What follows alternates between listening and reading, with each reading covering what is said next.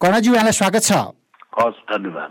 पृष्ठभूमिमै भनेकै सन्दर्भबाटै सुरु गरौँ। सरकारमा बस्ने हो कि सरकार छाड्ने हो कि सरकारमा बस्नु छ भने आफ्नै नेता जोगाउन नसक्ने किन बस्नु भन्ने पनि रहेछन्। यो अवस्थामा सरकार छाड्नुपर्छ भन्ने पनि रहेछन्। तपाईँहरू सरकारमा बस्नुहुन्छ बस्नुपर्छ भनी राख्नु भएको हो कि सरकार छाड्नुपर्छ भनी राख्नु भएको हो? अहिले के छ भने हामी यो गठबन्धन छाडेर अलग हुने कुरो गरेका छैन। हाम्रो दुईटा बैठक बस्यो केन्द्रीय समिति पदाधिकारीहरूको कुनै समितिले यस्तो छलफल गरेका छैन। त्यो के हो भने अहिले जलेश्वरको केसमा मात्रै जुन हामीले मुद्दा फिर्ताको लागि त्यही एउटा मात्रै केस थियो जुन कि जिल्ला अदालतमा थियो वर्षौँदेखि पढिराखेका थिए। त्यसलाई फिर्ताको लागि हामीले सरकारसँग माग गर्यौँ जुन कानुनी व्यवस्था हो ओलीजी पनि तयार हुनुभएको थियो ओलीजीको सरकार हुँदाको अवस्थामा र उहाँको सरकार गएपछि कुरा गर्दा गर्दै र त्यसपछि वर्तमान सरकारसँग पनि हामीले भनेका थियौँ त्यो प्रयास गर्दा गर्दा पनि मुद्दा फिर्ता भएन विभिन्न कारणले। टेक्निकल कारण देखाए र फिर्ता भएन। र त्यो मुद्दा अहिले फैसला भएछ। फैसला हुँदाखेरि कतिपयले सफाई पाए कतिपयलाई तपाईँको कैद सजा पनि भएको छ। यो जिल्ला अदालतबाट फैसला भएको हो। जिल्ला अदालतको सबै फैसलामाथि उच्च अदालतमा पुनरावेदन लाग्छ। त्यसकारण कानुनी बाटो छोडेर हामीले अलग बाटो अपनाउने कुनै अवस्था छैन त्यहाँ अपनाउला। र हाम्रो जुन पूर्व माग हो सरकारसँग त्यसमा केही टेक्निकल कुराहरूमा फरक परेको छ भने त्यसलाई हामी पुरा गराउन प्रयास गर्छौँ। जहाँसम्म कार्यकर्ता जोगाउन नसकेको भन्ने प्रश्न छ भने हामी एउटा कानुनमा डेमोक्रेसीमा विश्वास गर्छौँ डेमोक्रेसीमा मान्यता राख्नेको कानुनी ड्यु प्रोसेस अफ ल कानुनको बाटो हामीले मान्नै पर्छ र त्यही बाटो मानेर अगाडि बढ्छ अब यो तपाईँहरूको जस्तो पार्टीभित्रको पनि यो गुटगत समस्या पनि हो कि क्या? हो नेताहरू धेरै भए अठहत्तर सालको भदौमा हो क्या तपाईँहरूको पार्टी गठन भएको। त्यसभन्दा यताको राजनीतिक घटनाक्रमहरू हेर्ने हो भने तल्लो तहमा चाहिँ खुम्सिँदै खुम्सिँदै गएको अवस्था चारजना सांसद हुनुहुन्छ। मध्य प्रदेशमा नौजना हो क्यारे सांसद भएको। तल चाहिँ कमजोर भएर गएको अवस्था। माथि चाहिँ नेतै नेता नेतै नेता धेरै भएपछि गुटका कारण पनि यो परिस्थिति यो प्रश्न तेर्सिएको हो कि? होइन पार्टीमा नेता फेरि भएर गुट हुने होइन समस्या के भयो भने तपाईँ हामी लास्ट आवरमा कोसिस गर्दा गर्दै वार्ता हाम्रो हुँदै थियो यही मुद्दा फिर्ता आदिको क्रममा र काङ्ग्रेसको जुन गठबन्धन थियो त्यसमा धेरै लास्टमा हामी प्रवेश गऱ्यौँ करिब करिब नोमिनेसनको तिन चार दिन अगाडि मात्रै प्रवेश र त्यो प्रवेश गर्दा थोरै सिट पायौँ हामी। सङ्घमा हामीले आठवटा सिट पायौँ र त्यसपछि प्रदेशमा सोह्रवटा सिट पायौँ।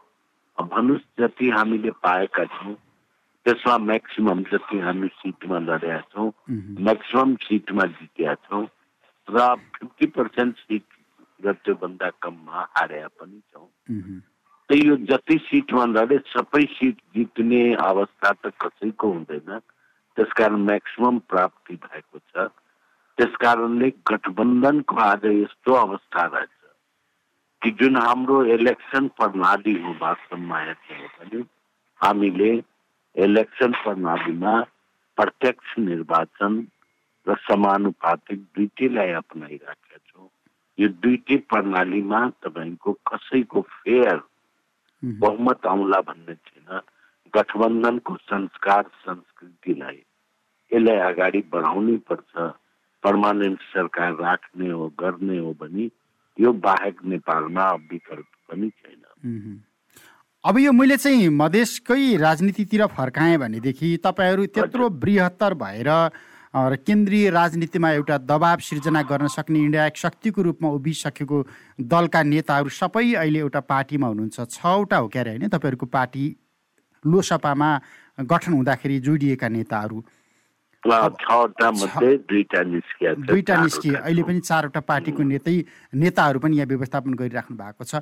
यो मधेसको एजेन्डाका लागि चाहिँ राजनीति गर्ने हो कि नेता व्यवस्थापनका लागि राजनीति गर्ने हो भन्ने एउटा अहम प्रश्न चाहिँ किन तपाईँहरूसँग पटक पटक तेर्सिरहेको छ ठिक ठिक भन्नु हो हामीले व्यवस्थापन दुइटै गर्नुपर्छ। पार्टीमा भएका नेताको पनि व्यवस्थापन गर्नुपर्छ। र त्यसपछि किन व्यवस्थापन त्यो गर्ने त्यसको मूल कारण नै के हो भने मधेस र जनजातिको प्रति हामीले दुईटा यो प्रश्नलाई उठायौँ। जहाँ भेदभाव छ शोषण छ त्यो शोषण र भेदभाव हटाउनको लागि नै हामीले यो पार्टी बनायौँ मधेस र जनजातिको लागि। र यो पार्टी बनाउँदाखेरि जुन हामीले भनेका थियौँ जुनमा हामीले ठुलो एउटा शहादत पनि दियौँ। त्यो हामीले छाडिसकेका छैनौँ। त्यसैको आधारमा पार्टी चलिराखेका छ। त्यो के हो भने हामीले मधेसबाट नै उप्रिया हो। मधेसको रगतबाट जन्म्या संसद हो यो प्रदेश हो।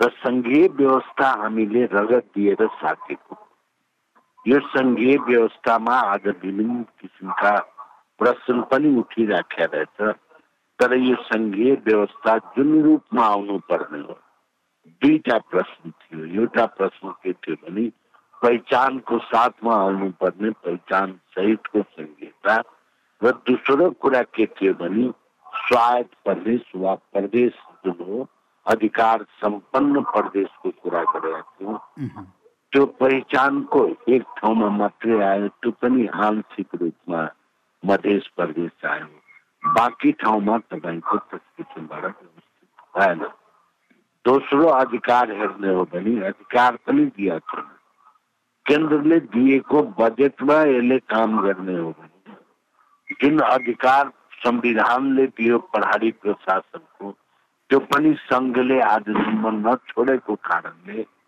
तपाईँको त्यो प्राप्तिको लागि हामी प्रयास गर्दैछौँ र त्यही म्यानेजमेन्टको लागि हामीले पार्टीमा काम गर्दैछौँ जहाँसम्म केही कमजोर भएको अवस्था अवश्य हो।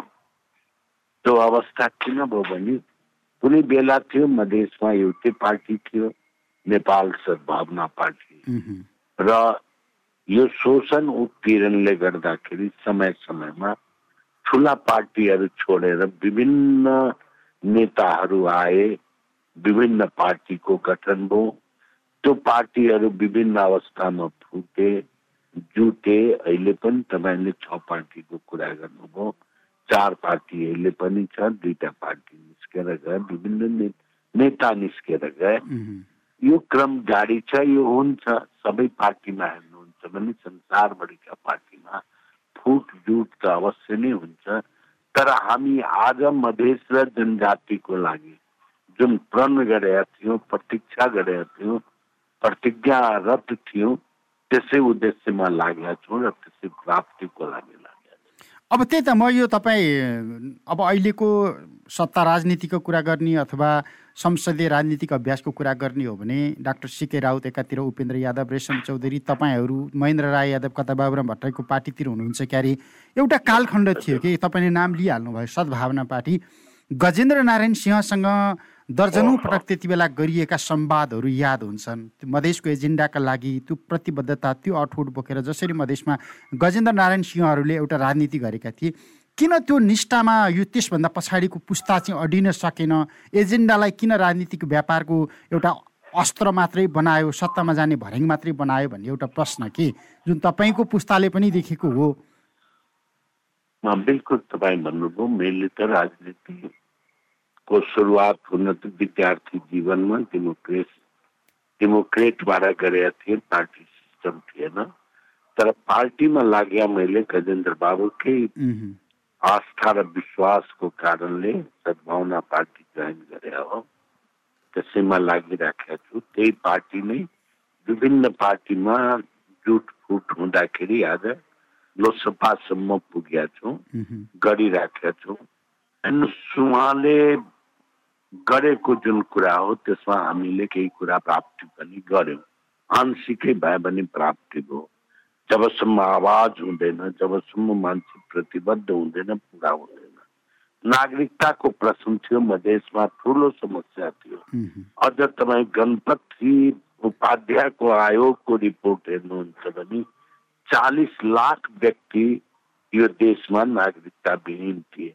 म्याक्सिमम मधेसमा थिए भने पहाडमा पनि थिए त्यो नागरिकताको समस्या सदाको लागि समाप्त गर्नुपर्छ भन्ने हाम्रो प्रयास थियो सदाको लागि समाप्ति त भएन केही अझ पनि बाँकी छ तर धेरै जसो समस्याहरू हामीले समाधान गर्यौँ हामीले प्रत्येक ठाउँको आफ्नो पहिचान अनुरूपको प्रदेश दिनुपर्छ र प्रदेश स्वायत्त हुनुपर्छ प्रदेशले आफ्नो भाषा संस्कृति आफ्नो विकासको प्रवर्धन गर्नुपर्छ भन्ने जुन कुरा गरेका थियो प्रदेश प्राप्त हो। यस्ता लगायत विभिन्न कुरा मधेसका विकासका कुरा हामीले गरेका थियौँ।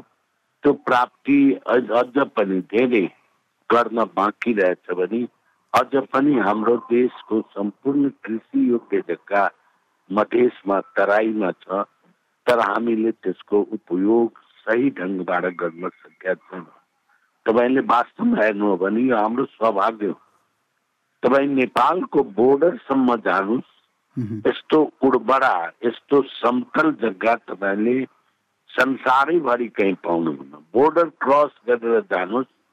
उता तपाईँको त्यही जग्गा समतल भए पनि बाढीमा डुबिराखेका हुन्छ। र हामी त्यही प्रकृतिको कारणले यता बाढीबाट केही जोगिराख्यो यो सम्पूर्ण कुरा हेर्नु भने हामी कहाँ बाली किन राम्रो भएन हामी सिँचाइका व्यवस्था गरेनौँ बिउ बिजनको व्यवस्था गरेनौँ मलको अभाव जहिले पनि देशभरि भइराखेका हुन्छ यी सम्पूर्ण कुराको लागि देशको स्मृति जबसम्म कृषि विकास हुँदैन तबसम्म हुन सक्दैन भन्ने कुरा हामीले गरेका थियौँ र त्यसैको लागि प्रयासरत छौँ र के प्राप्ति गरे प्राप्ति हुन बाँकी अब यो बजेट त विकासको सन्दर्भमा बजेट पनि थियो होला। स्थानीय सरकार छन् प्रदेश सरकार छन् सङ्घमा पनि तपाईँहरू लगभग लगभग मधेसबाट राजनीतिक सुरु गर्नुभएका अधिकांश नेताहरू धेरै।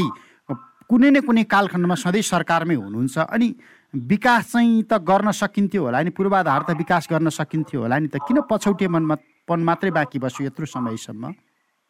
भ्रष्टाचारका कुरामा मात्रै किन जेलियो होइन तपाईँले ठिक भन्नुभयो। यो प्राप्ति भएपछि कस्तो हुन्छ भने सबै कुराको एउटा प्लानिङ हुन्छ।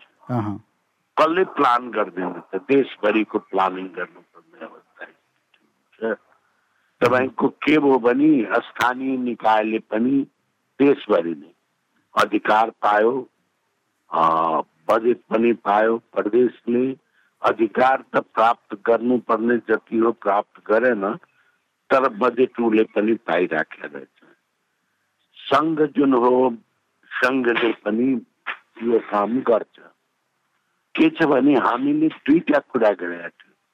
हाम्रो सङ्घीय सरकार कस्तो हुन्छ भने समन्वय र कपरेसन सहकारिताको द्वारा हामी सङ्घ र प्रदेश चलाउँछौँ भन्ने थियौँ तर त्यो गर्न सकेका छैनौँ। सङ्घले त्यो टाइम लाग्ला। सङ्घले आफ्नो अधिकार छोड्न आज पनि तयार छैन। आज पनि आफ्नो खल्तीमा नै अधिकार राखिराखेको रहेछ। यसलाई बिस्तारै प्रदेश र प्रदेशद्वारा स्थानीय निकायमा पुर्याउनु पर्छ र मैले तपाईँले विकासको कुरा गर्नुभयो भने बजेट आयो सब कुरा भयो भने बजेट आएर तपाईँले एउटै कुरा मान्छेले विकास सम्झे त्यो विकास रोड बने रोड बनाइदियो भने विकास भयो भन्ने धारणा एउटा डेभलप हो। र त्यो हेर्नुहुन्छ भने रोडको विकास भएछ पुल बनिएको छ कलभर्ट छ यो स्थानीय निकाय प्रदेश र सङ्घबाट पनि जताततै ठुला पुलहरू बनिएको छ त्यसकारण विकास नभएको होइन विकास समग्र रूपमा हुनुपर्ने भएको छैन। सिँचाइमा किन भएन भन्नुहोस् खाद मलमा किन भएन भन्नुहोस् त्यतातिर प्लान वेमा गर्नुपर्ने काम यो सङ्घको हो र सङ्घले त्यति गर्न सकेको छैन।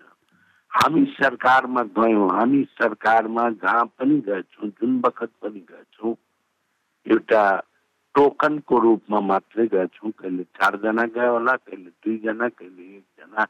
त्यतिले सरकारलाई समग्र रूपमा सञ्चालन गर्ने अवस्था भएन। त्यो कारणले हाम्रो प्रभावशाली त्यहाँ सङ्घमा वा प्रदेशमा हामीले गर्न सकेनौँ। त्यही त यो पहाडको चित्र हेर्दाखेरि एउटा घरबाट अर्को घरमा जानका लागि घन्टौँ हिँड्नुपर्ने एउटा पूर्वाधारहरू छन् भौगोलिक विकटताहरू छन्। त्यहाँ पुग्न सकेको विकास चाहिँ त्यो तराईमा किन पुग्न सकेन भनेर हेऱ्यो भने गरिबी शिक्षा पछौटेपन सरसफाइ स्वास्थ्यसँग जोडिएका रोजगारी घरेलु हिंसा बाल अथवा मातृ मृत्युदर यी सबै कुराहरूमा पनि त मधेस त पछाडि पऱ्यो नि। आजका दिनसम्म यी पाठमा चाहिँ किन हामीले काम गर्न सकेनौँ भनेर तपाईँले चाहिँ समीक्षा गर्न नपर्ने? बिल्कुल गर्नुपर्छ। पाहाडमा पनि जति गर्नुपर्ने त्यो भएको छैन। मैले पाहाड पनि घुम्ने बाटो घाटोको त्यहाँ पनि छ अवस्था। एउटा के रहेछ भने बिना सिजनको तरकारीहरू अलिअलि डेभलप भएछ पहाडमा। त्यो अलिकति कृषिको काम भएको छ जुन काम कि मधेसमा भएको छैन। मैले अघि पनि भने बाटो घाटो यो व्यवस्था त प्रशस्त रूपमा मधेसमा भएको छ मैले तपाईँलाई एउटा सानो उदाहरण भन्छु। पर्से जिल्लामा जाने हो भने वीरगञ्ज बाहेक कहीँ पनि पिच सडक थिएन कालो पत्रे सडक थिएन। अहिले पर्सा जिल्लाको कुनै पनि ठाउँमा तपाईँ जाँदाखेरि कालो पत्रे पिच सडक पाउनुहुन्छ आवागमनको बस चलिराखेको रहेछ विकास नभएको होइन। तर विभिन्न कुराहरू जुन तपाईँले भन्नुभयो शिक्षाको अभाव छ आज पनि। शिक्षाको व्यवस्था यति बेथिती रहेछ। शिक्षा हामीले कहाँ जित्यौँ? स्थानीय निकायमा। स्थानीय निकायले टिचर म्यानेजमेन्ट गर्न सकेन टिचर आपूर्ति कसले गर्ने त सङ्घले गर्ने। उसले जाँच लिन्छ आयो। कति चाहिए हो कति नचाहिए हो त्यो विचार गरिएको छ त्यो कुरा दिइदिनुपर्छ प्रदेशलाई। किन राख्ने? तपाईँ हाई स्कुल खोलिया छ अब गाउँ गाउँमा जानुभयो भने पर्सा जिल्लामा वीरगञ्ज बाहेक एउटै पोखरियामा हाई स्कुल थियो। अहिले तपाईँले दस बिसवटा पाउनुहुन्छ तर टिचर हेर्ने हो भने योग्य टिचरहरू हाई स्कुलका थिएनन्। टेन प्लस टूको लागि थिएन। त्यो सब सम्पूर्ण कुरा गर्नको लागि अधिकार सम्पन्न बनाउनु पर्छ तल। अधिकार सम्पन्न बनायो भने सबै प्राप्ति हुन्छ। त्यसको अब लडाइँ जारी हुन्छ त्यो प्राप्ति हुन्छ। किनभने नमागिकन त प्राप्त त केही पनि हुन सक्दैन। यो अवस्था आज पनि छ त्यस कारण शिक्षामा जुन किसिमबाट हामीले खोज्यौँ विकास हुन सकेका छैन। स्वास्थ्यमा पनि अलिअलि पहिलेभन्दा धेरै राम्रो छ। अहिले स्थानीय निकायहरूले डाक्टरको व्यवस्था र सानो सानो अस्पतालको व्यवस्था अब गाउँपालिकामा गरेका छ। पक्की घरको निर्माण पनि भएको छ। त्यसका पहिले भन्दा निश्चित रूपमा केही पनि नभएको होइन। डेभलप भएको छ र कुनै पनि काम बिस्तारै हुँदै जान्छ। एकैचोटि हुने होइन। अब यो भन्दा भन्दै अब अहिले त यो व्यवस्था नै ठिक भएन व्यवस्थै फाल्नु पर्यो व्यवस्थै फेर्नु पर्यो भन्ने एउटा अर्को अभियान सुरु भएको छ आन्दोलन सुरु भएको छ वितृष्णा सुरु भएको छ आक्रोश सुरु भएको छ अनि बिस्तारै विकास हुन्छ भन्दा भन्दै हामी त्यो विकास तल नपुग्दैखेरि माथिबाट व्यवस्था उल्टाइहाल्छौँ। अनि कहिले हुन्छ विकास?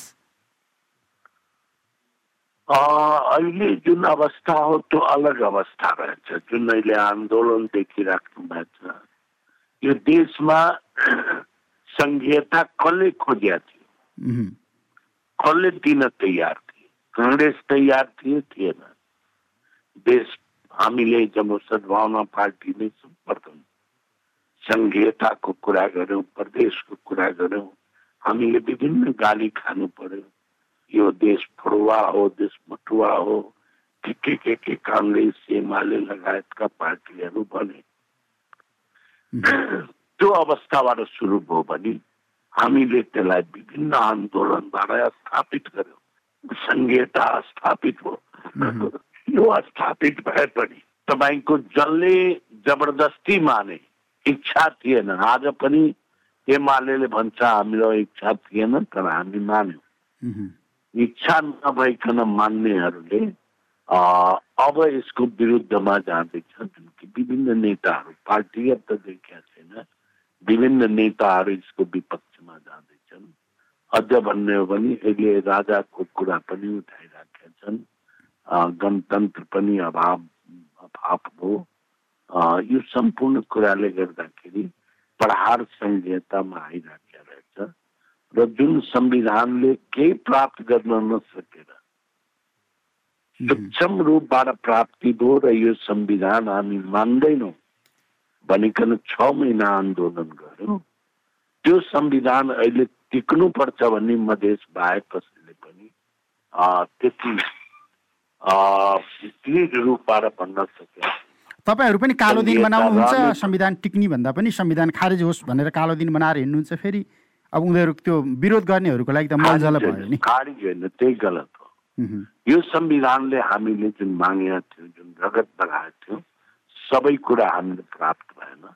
त्यो कमीलाई हामीले पटक पटक भनेका छौँ संविधान संशोधन गर्नै पर्छ। जुन कमी रहेछ त्यो कमीलाई पुरा गर्नुपर्छ। भन्ने कुरा गर्नेले त संविधान बचाउने कुरा गर्छ। संविधान मेट्ने कुरा हामीले गरेका छैनौँ। हामी मात्रै हो यो संविधान बचाउने। अरू कसैले पनि संविधान बचाउने कुरा गरेका छैन संविधान तपाईँको सडचालिस सालको किन समाप्त भएर गयो। एउटा पनि संशोधन गरेन। अवसरै दिएन नि। संशोधनको अवसरै दिएन। संशोधनको कुरै उठेन नि। होइन कुरा त उठ्या हो नि। कुरा हामीले नि माग्या हो नि। प्रदेश थियो नागरिकता थियो नमाग्या हो त। कुरा उठ्यो गरेन। अहिले पनि प्रश्न उठिराखेको छ। जबसम्म संविधान समयअनुसार परिवर्तन हुँदैन संशोधन हुँदैन त्यसलाई जड रूपबाट राखी छोड्या हुन्छ भने अनि त्यो संविधान समाप्त भएर जान्छ। त्यसकारण हामी आज पनि भन्छौँ धेरै कुराको प्राप्ति र संविधानले भयो सबै कुराको प्राप्ति भएन। त्यसलाई समयअनुसार परिवर्तन गरौँ संशोधन गरौँ र अगाडि बढौँ भन्ने हाम्रो मान्यता अब लगभग समय सकिएको छ। अब यसको लागि त पार्टीको नेतृत्वको एउटा नीति चाहिन्छ होला रणनीति चाहिन्छ होला हुन त अन्तरिम विधान संशोधन कार्यदलको नेतृत्व गरिराख्नु भएको छ पार्टीभित्र पनि। तर तपाईँहरूको पार्टीमा चाहिँ के देखियो भने व्यक्ति नै पछि एउटा पद सिर्जना गर्नु पर्यो। बाँचुन्जेल यो शीर्ष नेताहरू चाहिँ पदमै बस्नु पर्यो भनेर पद ओकट्ने एउटा कार्यशैली देखाइराख्नु भएको छ। पन्ध्रजना उपाध्यक्ष सोह्रजना महासचिव। काहीँ पनि नभएको। एघारजना सचिव हो क्यारे? सहसचिव सातजना। यो काहीँ पनि नभएको एउटा पार्टी संरचना बनाएर अनि तपाईँहरूले के को नीति के को रणनीति के को कार्यनीति? के पद पद बढी भने नीति बन्दैन। पदको सिर्जना आवश्यकता अनुसार गर्नुपर्छ तपाईँले अघि नै। बाट अलिकति चुनाव छ पार्टी मिलेर पार्टी बनेको थियो। र त्यस वखत पनि धेरै थिए। जति थिए जुन जुन पार्टीमा पदहरू त्यो सबै पदधारी लाएर हामीले जोड्यौँ। त्यसपछि अब चारवटा पार्टी छ केही कमी भएको छ। त्यो बेला सयभन्दा डेढ सौ करिब पदाधिकारी थिए। अहिले हामीले साठी एकसठीमा यहाँ पुऱ्याएका छौँ। अब त्यसको लागि एउटा परिमार्जन हुँदैछ हाम्रो विधान। परिमार्जन भएपछि हामी जान्छौँ महाधिवेशनमा र महाधिवेशनद्वारा यसलाई परिवर्तन गर्छौँ। महाधिवेशनले जे स्वीकार गरे त्यही पदमा जान्छौँ। अहिले हामीले तदर्थ व्यवस्था गरिराखेका छौँ। यो तदर्थ व्यवस्थाले गर्नुपर्ने बाध्यता पनि रहेछ चार पार्टीले नत्र पार्टी फुट्छ भन्ने एउटा डर भयो। सबैलाई पद चाहिएको छ नत्र पार्टी फुटाउँछु म अध्यक्ष बन्छु भन्ने एउटा त्यो त्यो खालको राजनीतिक दम्भबाट नै चले नेताहरू। होइन र?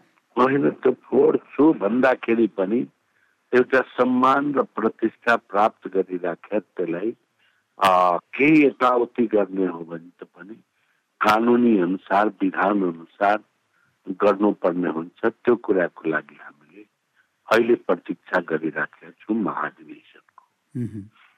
अब सरकारमै चाहिँ बसिराख्ने हुन्छ तपाईँहरू होइन? पार्टी तत्काल सरकार छोड्ने अवस्था चाहिँ रहेन। त्यसो हो भने। अहिले हामीले इमिडिएट छोड छाड दिने भन्ने कुराको कुनै निर्णय गरेका छैनौँ। सरकारमा के का लागि बस्ने? शरद सिंह भण्डारी हुनुहुन्छ क्यारे अहिले।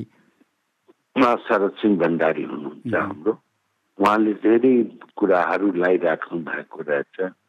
उहाँको श्रम मन्त्रालय रहेछ। श्रम मन्त्रालयको लागि अस्ति हामीले ब्रिफिङमा उहाँको सुन्दाखेरि अहिले सरकारले ट्रेनिङ प्रोग्रामहरू र व्यवस्थापनहरू गाउँपालिकातिर पनि लग्ने भन्ने कुरा गरिराखेको छ बिस्तारै पाउनुहुन्छ। र विभिन्न देशसँग अहिले भइराखेका रहेछ उहाँहरूको कुराकानी।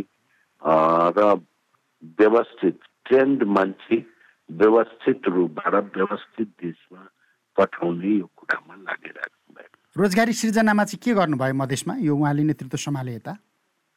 रोजगारको लागि त त्यही ट्रेनिङ प्रोग्राम बन्दैछ ट्रेनिङ प्रोग्राम हुन्छ। विदेशमा श्रम शक्ति पठाउने भन्दा पनि स्थानीय स्तरमा रोजगारी सिर्जना गर्नको लागि चाहिँ केही रणनीति आयो भने महत्त्वपूर्ण हुन्छ होला यति बेलाको आवश्यकता। युवा रोक्नु पर्ला त्यसको लागि त्यसको लागि अन्य मन्त्रालयहरू पनि छ गरिराखेर हुन्छ समय र संवादको लागि धन्यवाद। हस् धन्यवाद।